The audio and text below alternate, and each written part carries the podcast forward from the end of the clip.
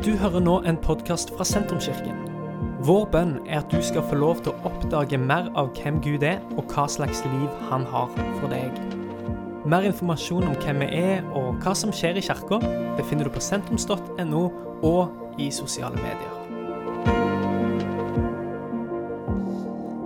Du, Vi skal eh, begynne rett og slett med å lese det som har vært ukas salme for de som er med i smågruppe hos oss så har vi denne høsten en eh, bibelleseplan, og denne uka så har vi lest Salme 121. Og det er en salme ved festreisende, og der står det Jeg løfter mine øyne mot fjellene. Hvor skal min hjelp komme fra? Min hjelp kommer fra Herren, himmelens og jordens skaper. Han vil ikke ikke la din fot vakle. Din vokter vil ikke blunde. Se, han blunder ikke og sover ikke, Israels vokter. Herren er din vokter, Herren er din skygge. Ved din høyre hånd. Solen skal ikke skade deg om dagen, heller ikke månen om natten. Herren skal bevare deg fra alt ondt. Herren skal bevare ditt liv. Herren skal bevare din utgang og din inngang fra nå av og til evig tid. Og så har vi bedt denne bønnen her som jeg hadde lyst til å be helt i starten. Gud, du som er skaper av himmel og jord, jeg setter min lit til deg. Takk for at du beskytter meg i dag. Takk for din omsorg i dag. I dagene som har vært, og i dagene som kommer så ber jeg om at vi denne søndagen her skal få lov til å se mer av hvem du er, Gud. Og igjen minne oss om din enorme omsorg for oss. Takk for at du er god, og at du er Gud. Amen. Amen. Denne uka har vi altså lest denne salmen, og kanskje er det for deg sånn som det er for meg. Dette er faktisk en av de få salmene jeg kan helt utenat. Eh, og det er eh, fordi at jeg har sunget den siden jeg var veldig liten. Kanskje noen andre her som har gjort det òg. At det er en salme som jeg har lært en melodi til. Eh, og derfor så kan jeg den. Og det er utrolig mye lettere å huske når vi kan en melodi til en, en, en sang. Og det kunne vi jo egentlig snakka masse om. Og det var jo sånn israelsfolket òg brukte disse salmene. Det var ikke noe de gikk og sa, men det var noen ting de sang. Og fordi at vi da har lest denne salmen, så har jeg gått og småsunget da, på denne sangen eller denne salmen i løpet av uh, uka. Og her en morgen når jeg sykla til jobb, så tok jeg meg sjøl i å synge uh, på denne salmen. Og Eh, og så kommer liksom, og i den oversettelsen da, som er på, den, eh, på den, den, melodien jeg har lært, så kommer du liksom midt i her, så er det sånn Se, han slumrer ikke og sover ikke, Israels vakter. Og så var det akkurat som ordet 'slumre' Det var en sånn Når jeg var fem-ti år, så var ikke det et ord som sa meg veldig mye. Men nå når jeg tenkte på det, så ble det sånn her Oi, ja, Gud, han slumrer ikke. Og sover ikke. Han slumrer ikke. Og jeg vet ikke om du er veldig sånn ivrig på slumreknappen på mobilen. Eh, jeg, eh, jeg, eh, der du liksom er sånn der Å, nei, å, nå skal jeg våkne. Nei, bare sove litt til. Det, bare, å, det hadde vært så digg å bare ligge litt til og sove. Og så er du litt sånn halvveis i søvne, halvveis våken. Og hvor mange ganger har vi ikke gått glipp av ting fordi vi bare skulle slumre en gang? Eh, eller, verste, det, eller det aller verste er jo når du tror at du har trykt på slumreknapp, men du har trykt av alarmen. Noen? Noen? Ja, ja, sant? Og du bare våkner opp i sånn der Shit! Nå er, nå er liksom alt bare helt Enten om det er på ettermiddagen eller på morgenen, og det blir fullstendig kaos. Og eh, da er det jo litt sånn her Dette ble jo bare rot. Og så bare slo det meg, da, mens jeg sykla til jobb. At Gud han er ikke sånn. Han, han er ikke litt sånn der ja, 'La oss vente litt med det her', eller eh, liksom, 'la oss slappe litt av', eller bare 'Å, jeg utsetter dette ni minutter til', og så er det sånn halvt øye på det. Men han slumrer ikke. Og han sover ikke. Han som er vår vokter. Og det ble min sånn lille refleksjon der jeg sykla litt for seint til jobb. Fordi jeg hadde trykt to ganger på slumreknappen den morgenen. Eh, og eh, denne høsten her så går vi gjennom salmene til festreisende. Og Det er salme 120 til 134, som vi finner i Det gamle testamentet. Og Hver uke så leser vi, og så ber vi, og så forkynner vi rundt en salme. Og Inspirasjonen til å gjøre det har vi henta fra en bok eh, som er skrevet av en som heter Eugene Peterson, som heter 'Lang lydighet', hvor han tar for seg hver av disse salmene. Og så, tar, og så gir han dem ett tema som han sier vet du hva, dette er viktig i den reisen det er å følge Jesus, eh, og det å være en disippel av Gud. Og overskriften han har gitt for den salmen her, som vi skal snakke om i dag, det er omsorg. Og Forrige søndag så snakka Per Eivind om omvendelse, og at omvendelse er, den, er, det kristne sitt første ord. Altså det første som skjer idet du tar imot Jesus, er jo at vi snur oss fra holdt på å si, oss sjøl og det vi holder på med, til å si at å, men det er deg, Gud. Det er deg jeg vil følge. Det er deg mitt liv skal handle om. Så vi vender om. Og kanskje i vår tid så er det mest egentlig fra at vi bare ser på oss sjøl og hvordan jeg har det, eller et eller annet der, til å si at oi, denne retninga her skal jeg gå ut. Der er Gud. Han vil jeg feste mitt blikk på. Han er det jeg har lyst til å følge. Og så legger vi ut ikke sant? på en vandring der vi sier at 'nå er min vei'. Det er det, Gud. Jeg vil ha blikket mitt festa på deg. Jeg vil at du skal få lov til å være sjefen i livet mitt. Jeg vil høre på det du har å si. Jeg vil følge din vei. Og så er det jo litt sånn digg, da, når man liksom har eh, Oi, nå, nå, fikk jeg sånn, eh, nå så jeg for mye på lys. Sånn lysflekker her. Eh, det er noe litt sånn deilig med når man eh, setter i gang med et eller annet. Er ikke det? Når du liksom har bestemt deg for at Yes, nå skal jeg gjøre dette her.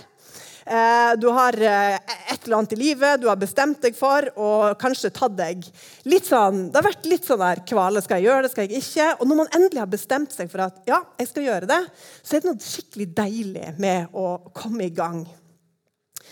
Og det som da er sykt irriterende, eller òg demotiverende, det er jo når noe kommer i veien. Eller liksom som ødelegger litt. 'Å, nå hadde jeg bestemt meg for det her. Nå skulle jeg bare gjøre det sånn.' Og så er det et eller annet som skjer, som gjør at ah, det ble ikke akkurat sånn som jeg hadde forestilt meg. Dette gikk ikke akkurat som planlagt. Ah, nei, det var ikke sånn liksom, dette her skulle gå. Og Sist mandag så skulle jeg ut på en uh, rulleskitur. Uh, jeg skulle gå hjemme fra Gandal til Figgjo og tilbake igjen. Uh, og jeg var i utgangspunktet litt sånn der hadde ikke helt dagen, var litt tung i kroppen. Var ikke supermotivert for liksom å ta denne rulleskiøkta mi. Men, så Derfor var jeg òg veldig fornøyd når jeg liksom hadde tatt på meg skia og var på vei og tenkte liksom Yes! Jeg er på vei til Figgjo. Ingenting kan stoppe meg. Og så hadde det regna da, den dagen, som gjorde at eh, når du går på rulleski og det eh, har regna, så er det òg ganske sånn at det blir, sånn våt, det blir våt asfalt som gjør at det suger litt i skia. Som gjør at det ikke går så veldig fort. Det passer meg egentlig også veldig fint. Så det gikk litt treigt. Men regnværet hadde òg ført til at det var veldig mye sånn rusk og rask og blader og greier som lå i gang- og sykkelstien. Og etter sånn fem kilometer så skulle jeg ikke sant? Eh, da kommer du til en sånn undergang for de som er lokalkjent. Der med Bråsteinsvannet. Eh, og skulle liksom ned der og så rundt, og så på andre siden av veien bort til Figgjo. Og så når jeg kommer ned der, så ser jeg å her var det utrolig mye gørr i veien. Så ser jeg en kongle, så tenker jeg nei, den er altfor stor, den må jeg liksom svinge unna. Og idet jeg svinger unna den konglen, så treffer jeg på en annen kongle. Eh, og den går inn i eh, hjulet på rulleskien min. Eh, og da bare vet du at det, er, det neste er uunngåelig. Jeg kommer til å tryne. Og for de som kjenner meg, så vet de også at jeg er drita dårlig på å tryne. Eh, så jeg må bare tenke hvordan skal liksom dette løse seg eh, best mulig. Så jeg tryner og får både kne og hode rett i asfalten. Og det gikk ca. sånn. Jeg advarer mot sterke bilder.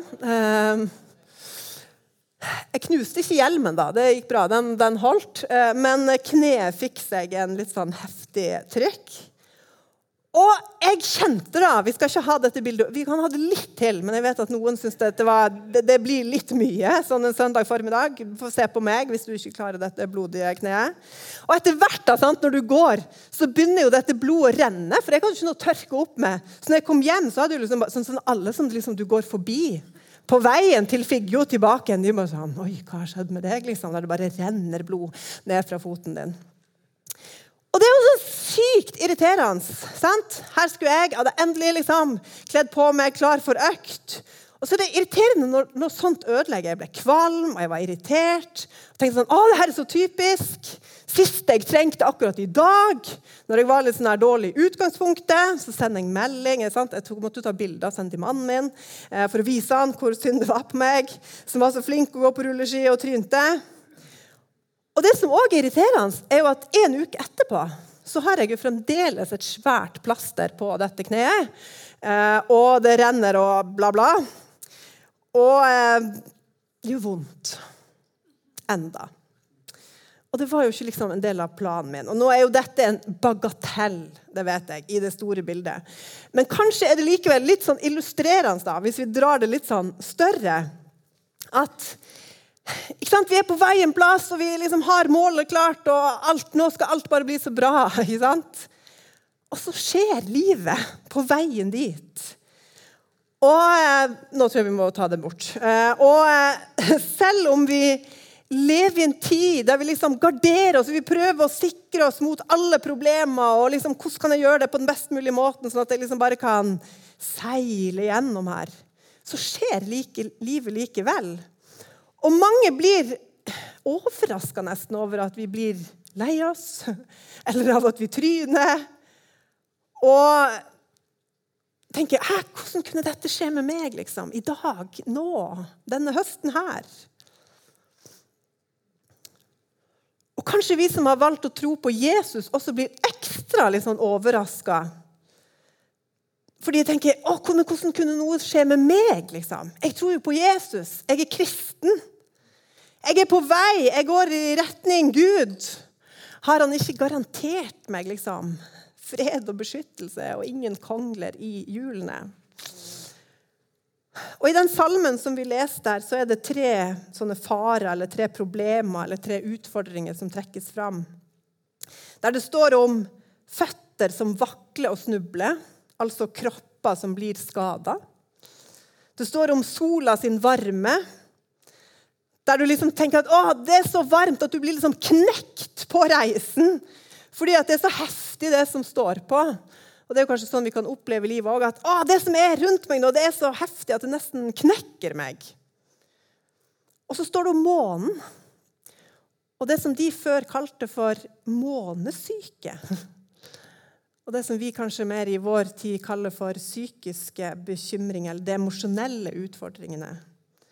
Alle de bekymringene som ofte kommer om natta når månen skinner og som noen ganger kan ta helt overhånd fordi det er så voldsomt, alt vi tenker på. Og så Når vi leser denne salmen, kanskje noen har lest den denne uka, så ser det jo egentlig ut som den garanterer oss litt mot alle ulykker. Foten din skal ikke vakle, står det. Solen skal ikke stikke deg om dagen. Ei heller månen om natten. Men så vet vi jo at det er akkurat det som skjer med jevne mellomrom. Kropper blir skada, vi blir utmatta og knekt. Og noen ganger er tankene så mye at vi bare å, jeg klarer ikke å tenke på alt det her. Også for oss som tror på Jesus. Hva da? Skal vi tenke sånn, ja, men Det er jo ikke dette jeg signa meg opp til. Det er jo ikke derfor jeg ble med på dette her. Men ulykker de rammer oss alle sammen. Så hvis alt det her skjer med meg, også. Hva da? Hva er greia? Hvem skal hjelpe meg? Og Det er jo et bra spørsmål å stille seg. Når, vil, når liksom ting skjer og livet skjer, da, hvem er det som skal hjelpe meg? Og mange vil jo si Du trenger ikke å søke langt eller åpne mange reels for å se at eh, jo, du sjøl, du skal hjelpe deg. Selvhjelp. Ta tak, liksom. Bli bedre. Bli bedre på ditt liv. Kom igjen, du kan klare det. Hjelp deg sjøl. Google kan hjelpe deg. Sant? Har et problem? Google hjelper. altså det er jo sånn Nesten før du har begynt å skrive, så foreslår jo Google. sant? Hva er det du lurer på i dag? Hva kan jeg hjelpe deg med? Og så søker vi, og så er det liksom bare hundrevis av svar som kommer opp. TikTok prøver å hjelpe oss. Influensere som forteller oss liksom her, her kan du få hjelp. Her har jeg svaret på ditt problem. Dette må du bare gjøre. Hvis du bare gjør sånn, hvis du tenker sånn, hvis det bare blir sånn, så blir det bedre, bedre, bedre. Så er det jo sikkert mye hjelp å få i en del av dette, altså. Men israelsfolket stilte samme spørsmål. Og så bare sånn, Jeg løfter øynene mine. Hvor, hvor, hvor skal hjelpa mi komme fra? Hva er det jeg skal se etter? Hvem skal jeg stole på? Hvem skal jeg søke på? Hva, hvor, hva skal jeg taste inn på mobilen min? Og så er det utrolig lett, da, når vi liksom løfter øynene våre og ser, så er det så mange ting som prøver å fortelle oss her, her kan du få hjelp. Og noen er egentlig ute etter å bare tjene penger på at vi trenger hjelp. Og så overser vi kanskje, og det som er salmen sitt poeng, er at vi overser Gud. Og så fester vi blikket vårt på noe av det som han har skapt, i stedet for han som faktisk er skaperen av himmel og jord. Og det denne salmen skulle gjøre når disse folkene som hadde bestemt seg for å følge Gud, og de var på vei til Jerusalem for å feire Og det var sikkert mange ting som kunne hindre de på veien òg. Så skulle denne salmen minne dem om at vår hjelp, den kommer ifra Gud, Herren, han som er himmelens og jordens skaper. For ulykker kommer til å ramme oss. Og Vi er ikke polstra. Det er ikke sånn at det å bli kristen er liksom å polstre seg inn. Og bare som gå rundt som en sånn der eh, plastfoliesak. Der du liksom tenker at nå kan ingenting skje med meg. Men forskjellen er at vi som tror på Jesus, vi som har sagt at du, Gud, du er min Herre vi vet at Gud han er med oss. Vi vet at Gud tar seg av oss. Vi vet at Gud leder oss. Vi vet at Gud beskytter oss mot alt ondt, og at han vokter selve livet. Gud, Det står i denne salmen her, at Gud våker over oss. Og Jeg vet ikke om du har våka over noen noen gang. Kanskje har du vært brannvakt. Eh, der du er på sånn festival eller liksom leir, eh, og så er det noen som må være våken. da. I tilfelle det, noe, i tilfelle det skulle begynne å brenne eller noe skulle skje om natta, så er det noen som sitter våken, sånn at alle de andre kan sove. Du vet at Jeg kan slappe av fordi det er noen andre som er våken her. Og De er der, og de tar ansvar. og Hvis det skjer noe, så skal de fange opp og så skal de liksom redde oss andre som sover her. Jeg har venner og familie som også har vært i den situasjonen at de har måttet våke over barna sine. Der det er liksom sykdom og omstendigheter som gjør at for at det skal være trygt for dette barnet her å sove, så må noen være våkne og følge med, sånn at vi kan få hjelp fort hvis noe skjer. Der du sitter og bare følger med på dette barnet som sover, og tenker jeg, jeg skal passe på deg. Og Det kan jo skje med voksne òg, fra tid til annen. Og livet kan skje der vi trenger noen, at det faktisk er noen som sitter og våker over oss. Og så står det i denne salmen her at se, han blunder ikke. Altså, han slumrer ikke. Og han sover ikke. Han gjør ikke med et halvt øye. Israels vokter. Herren er din vokter. Tenk det.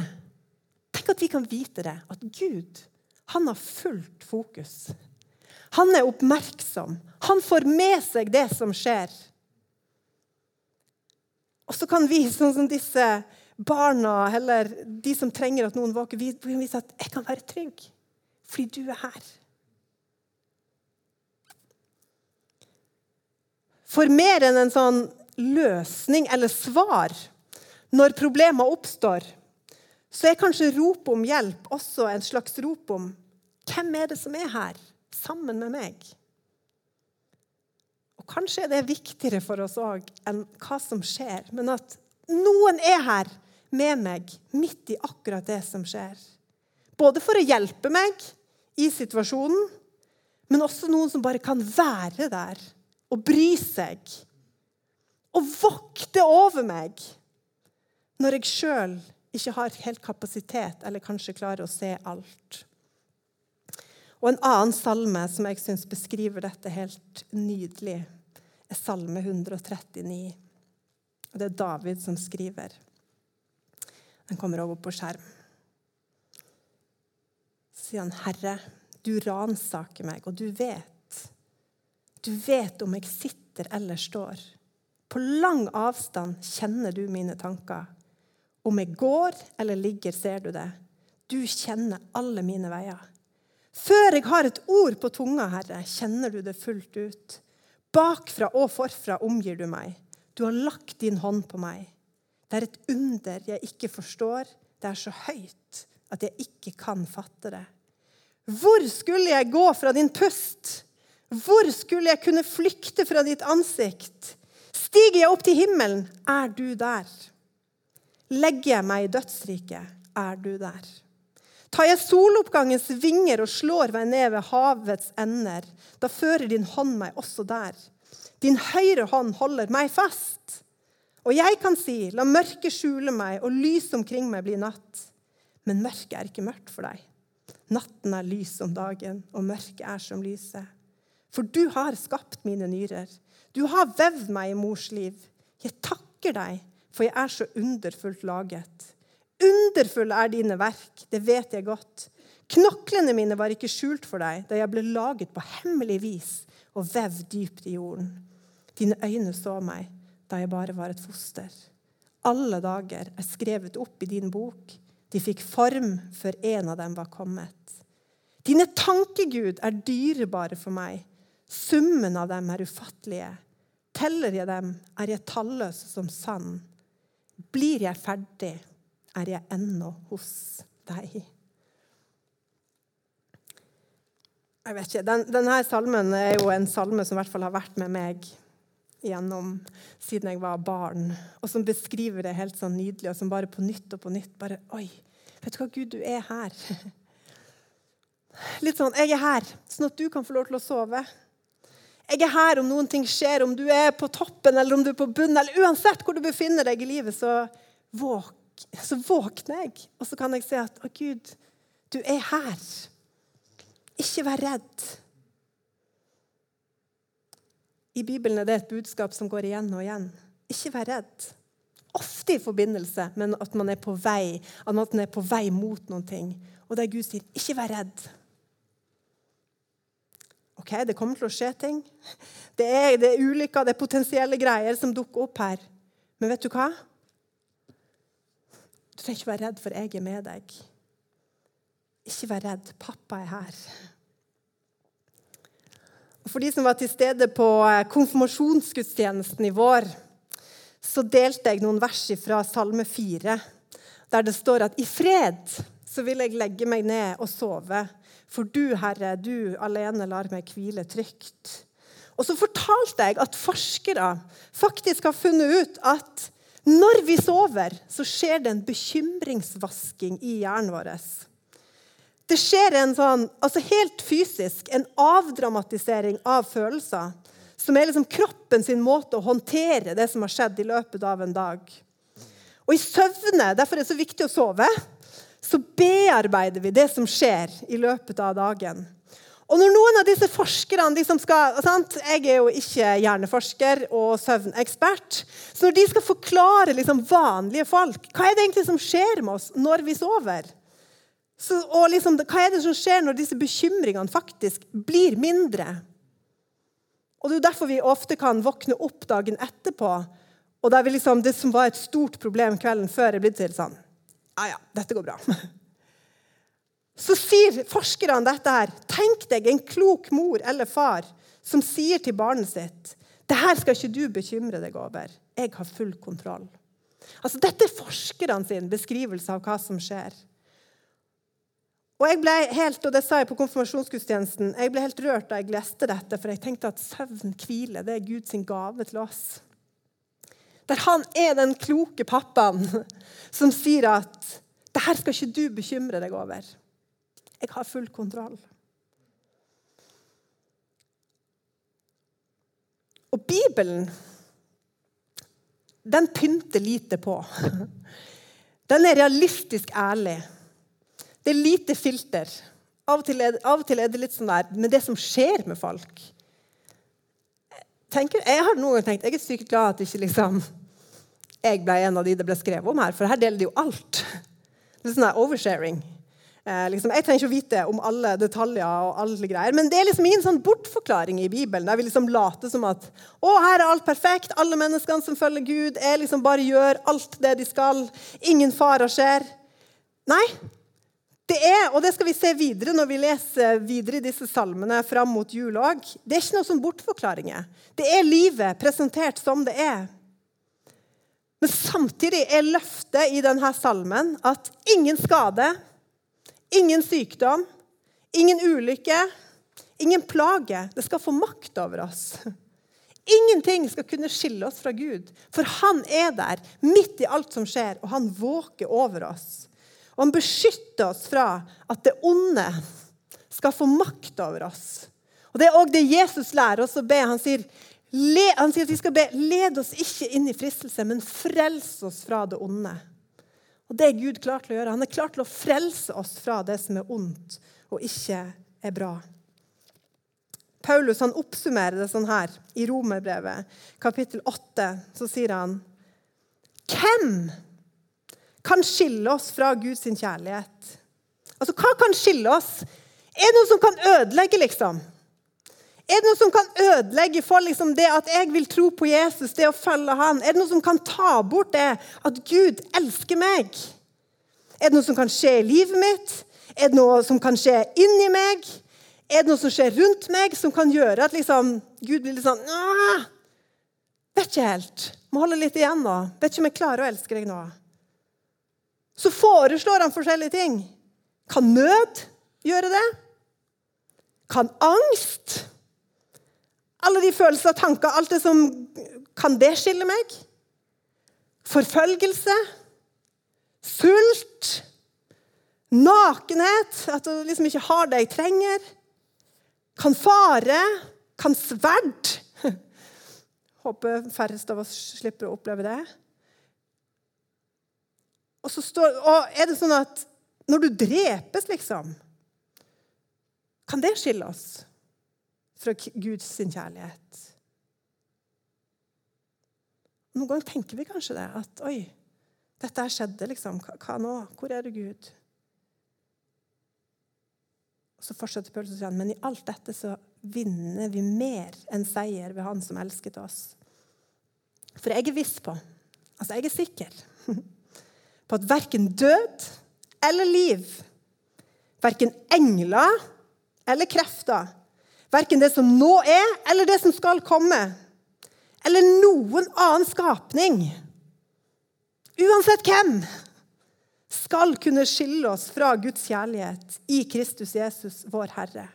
Ingenting, altså, kan skille oss fra Guds kjærlighet.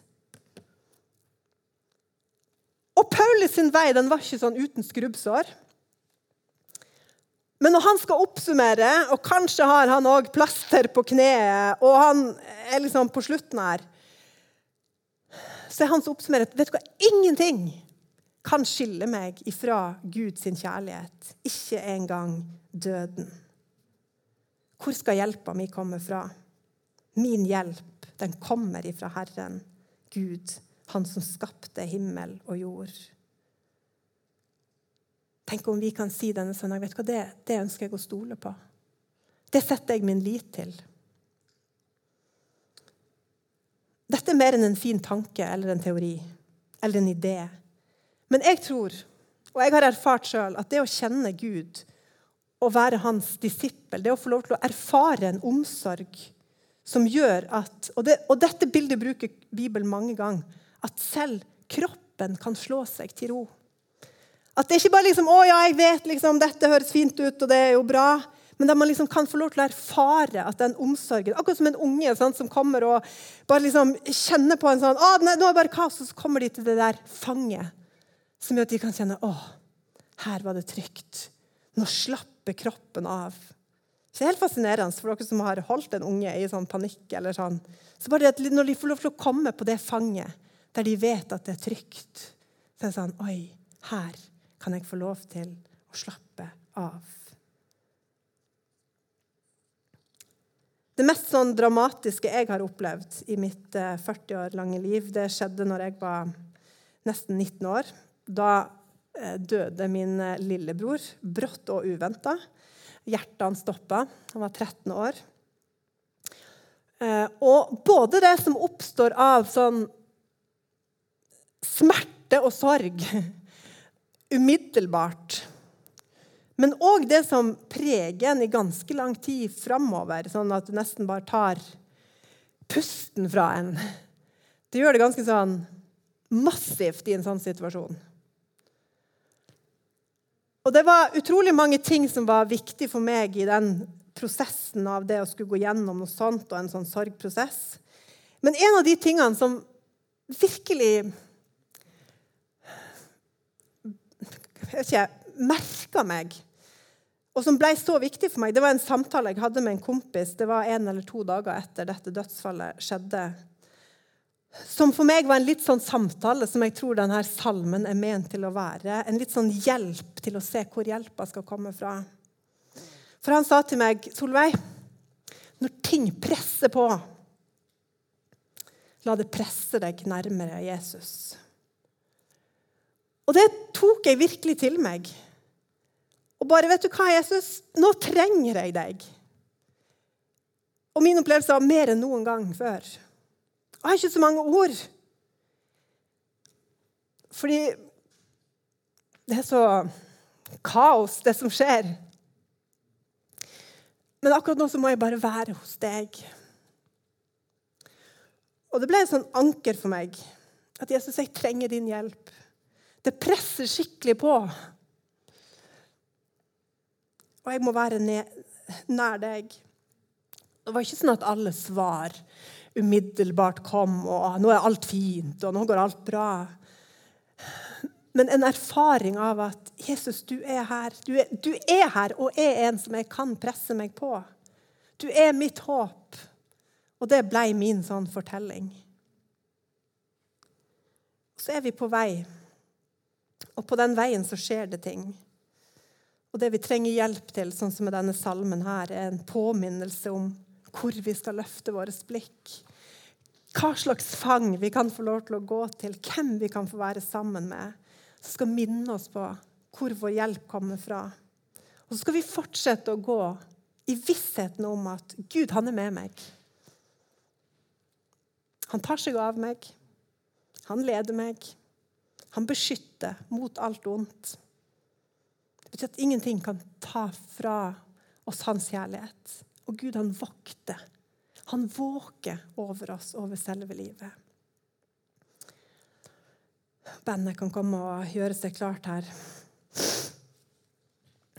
Et av de eh, kanskje sterkeste TV-øyeblikkene jeg har hatt dette året, var da Camilla Amundsen sang 'O bli hos meg' på The Voice. Jeg vet ikke om hvis ikke, jeg vet hva jeg anbefaler å finne det klippet og se det. Der hun kommer inn, og eh, det er på blind audition. Og hun begynner å synge denne salmen. Og synger første vers og vers tre, tror jeg det er. Og der du bare kjenner, både hjemme i stua, men du ser òg på de som sitter i salen, at dette bare treffer. Og så synger hun hver time trenger jeg. din sterke vakt. Kun for din nåde viker mørkets makt. Hvor skal jeg vandre trygt foruten deg? I mulm og solskinn, Herre, bli hos meg. Og så kommer dommerne, som skal alle snur seg. Og du ser at de er sterkt prega. Så sier Joseph, det, som er en av dommerne, så sier at, han sier til henne Nå vet ikke jeg om du så rommet her, men jeg, jeg ser tårer overalt. Og så har hun jo en fantastisk stemme. Hun er ikke den eneste som får tårer til å komme. Men hun kommer der og synger en gammel salme. Og så tenker jeg, hvorfor, hvorfor griper det? Jo, fordi det, jeg tror det treffer. Fordi at det er ingen andre som kan gi oss hjelp, sånn som Jesus. Fordi det er kun ved Hans nåde at mørket blir borte. Det, det, er kun hos Han vi finner en sånn kjærlighet som ingenting kan skille oss fra. Tror jeg det treffer fordi vi alle er skapt til å ta imot den omsorgen fra vår far. Som når et barn finner ro hos stemmen til mammaen sin. Det er helt fascinerende med små barn. Bare du kommer inn i et rom, og så hører de Oi, der er stemmen til mamma eller pappa. Der er du, nå er jeg trygg. Nå er jeg der som jeg skal være. Og jeg tror det er sånn å få lov til å leve med Jesus, at du bare kjenner Oi, i denne omsorgen er jeg faktisk skapt til å leve i denne kjærligheten hos Han som konstant våker over meg og mitt liv.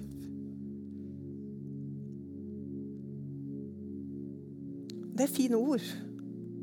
Men det, dette er ikke bare ord, det er ikke bare en fin salme. De som synger denne israelsfolket, det er levd liv.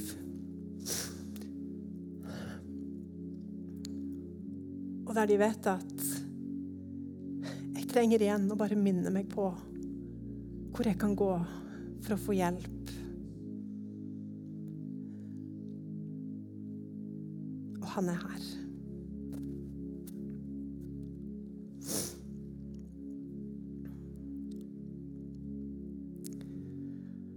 Jeg har lyst til at når vi nå skal lovsynge sammen på slutten av denne gudstjenesten, så har jeg tre eller tre ting jeg tenkte på. Kanskje er det noen her inne som trenger å gjøre den omvendelsen som vi snakket om sist søndag, og jeg snakket litt om helt i begynnelsen. Der du trenger å og Vet du hva? Jeg trenger å vende meg fra meg sjøl og min egen hjelp til Gud, Han som er himmelens og jordens skaper. Jeg vil hente min lit til deg. Jeg vil ikke fikse det. Altså, vi kan få så mye hjelp fra alle hold, men vet du hva? Det er ingen som kan gi livet mening og hjelp sånn som Gud. For han har skapt oss. Og han er vår far. Og vet du hva? Du kan, det kan bli din bønn denne, denne formiddagen. At nå har jeg ikke lyst til å bare gå på min egen vei, men jeg har lyst til å vende meg mot din vei, Jesus. Jeg vil følge deg. Så vet jeg at det ikke er en perfekt vei der liksom alt er bare fryd og gammen. Men jeg vet at jeg får lov til å gå i en retning, og jeg får gå sammen med en som alltid kommer til å være med meg. Så det er kanskje òg noen som trenger å løfte blikket fra alle ting der vi liksom Og jeg kan kjenne meg igjen i den der lettheten av å bare søke rundt på alt mulig som prøver å gi meg svar. Men der du trenger å Vet du hva? Jeg trenger faktisk å først sette mitt blikk på Gud.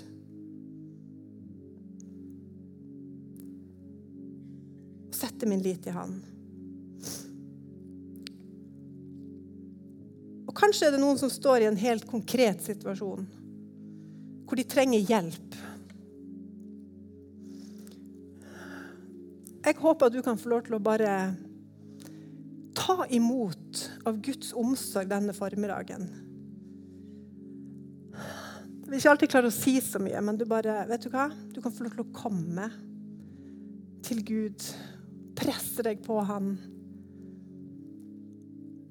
Og si 'Her er jeg'. Og Kanskje kjenner du òg at det hadde vært utrolig godt hvis noen ba sammen med meg for akkurat dette her. Akkurat det som jeg står i. Og Da har vi òg et forbønnsteam som sitter helt bakerst i salen der. Det står forbønn oppe på min eh, venstre side her. Når vi nå skal reise oss og synge, så kan du få lov til å gå opp der hvis du kjenner at å, det hadde vært å godt om noen la hendene på meg og ba for meg, sammen med meg, i akkurat dette her. Og hvis en av disse tingene her gjelder deg, så har jeg lyst til å oppmuntre deg til. Når vi nå skal reise oss opp, vi kan gjøre det nå. Å strekke våre hender mot himmelen. Mot himmelens og jorden skaper. Som en hjelp til at vet du hva, jeg vil løfte mitt blikk. Se på deg, Gud, og ta imot av din omsorg og din hjelp. Så skal vi synge denne sangen som handler om at vårt sikre håp, det finner vi i Jesus. Gud, vi løfter våre hender til deg denne formiddagen.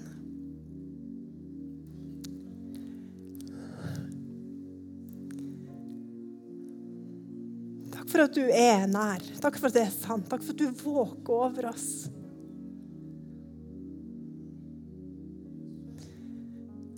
Å Gud, vi trenger hjelp til å bli minnet på at vi kan løfte våre blikk til deg. Komme til deg, være i din nærhet, sitte på ditt fang.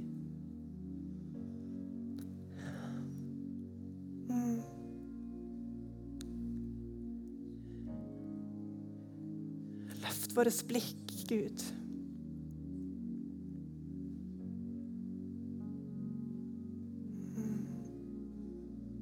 Du er vårt håp.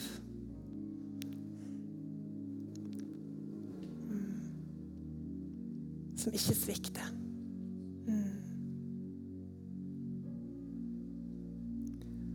La oss fortsette å strekke. Dette er slutten på denne podkastepisoden. Har du spørsmål om Jesus, om tro, om livet, så er du hjertelig velkommen til å ta kontakt med oss via sentrums.no.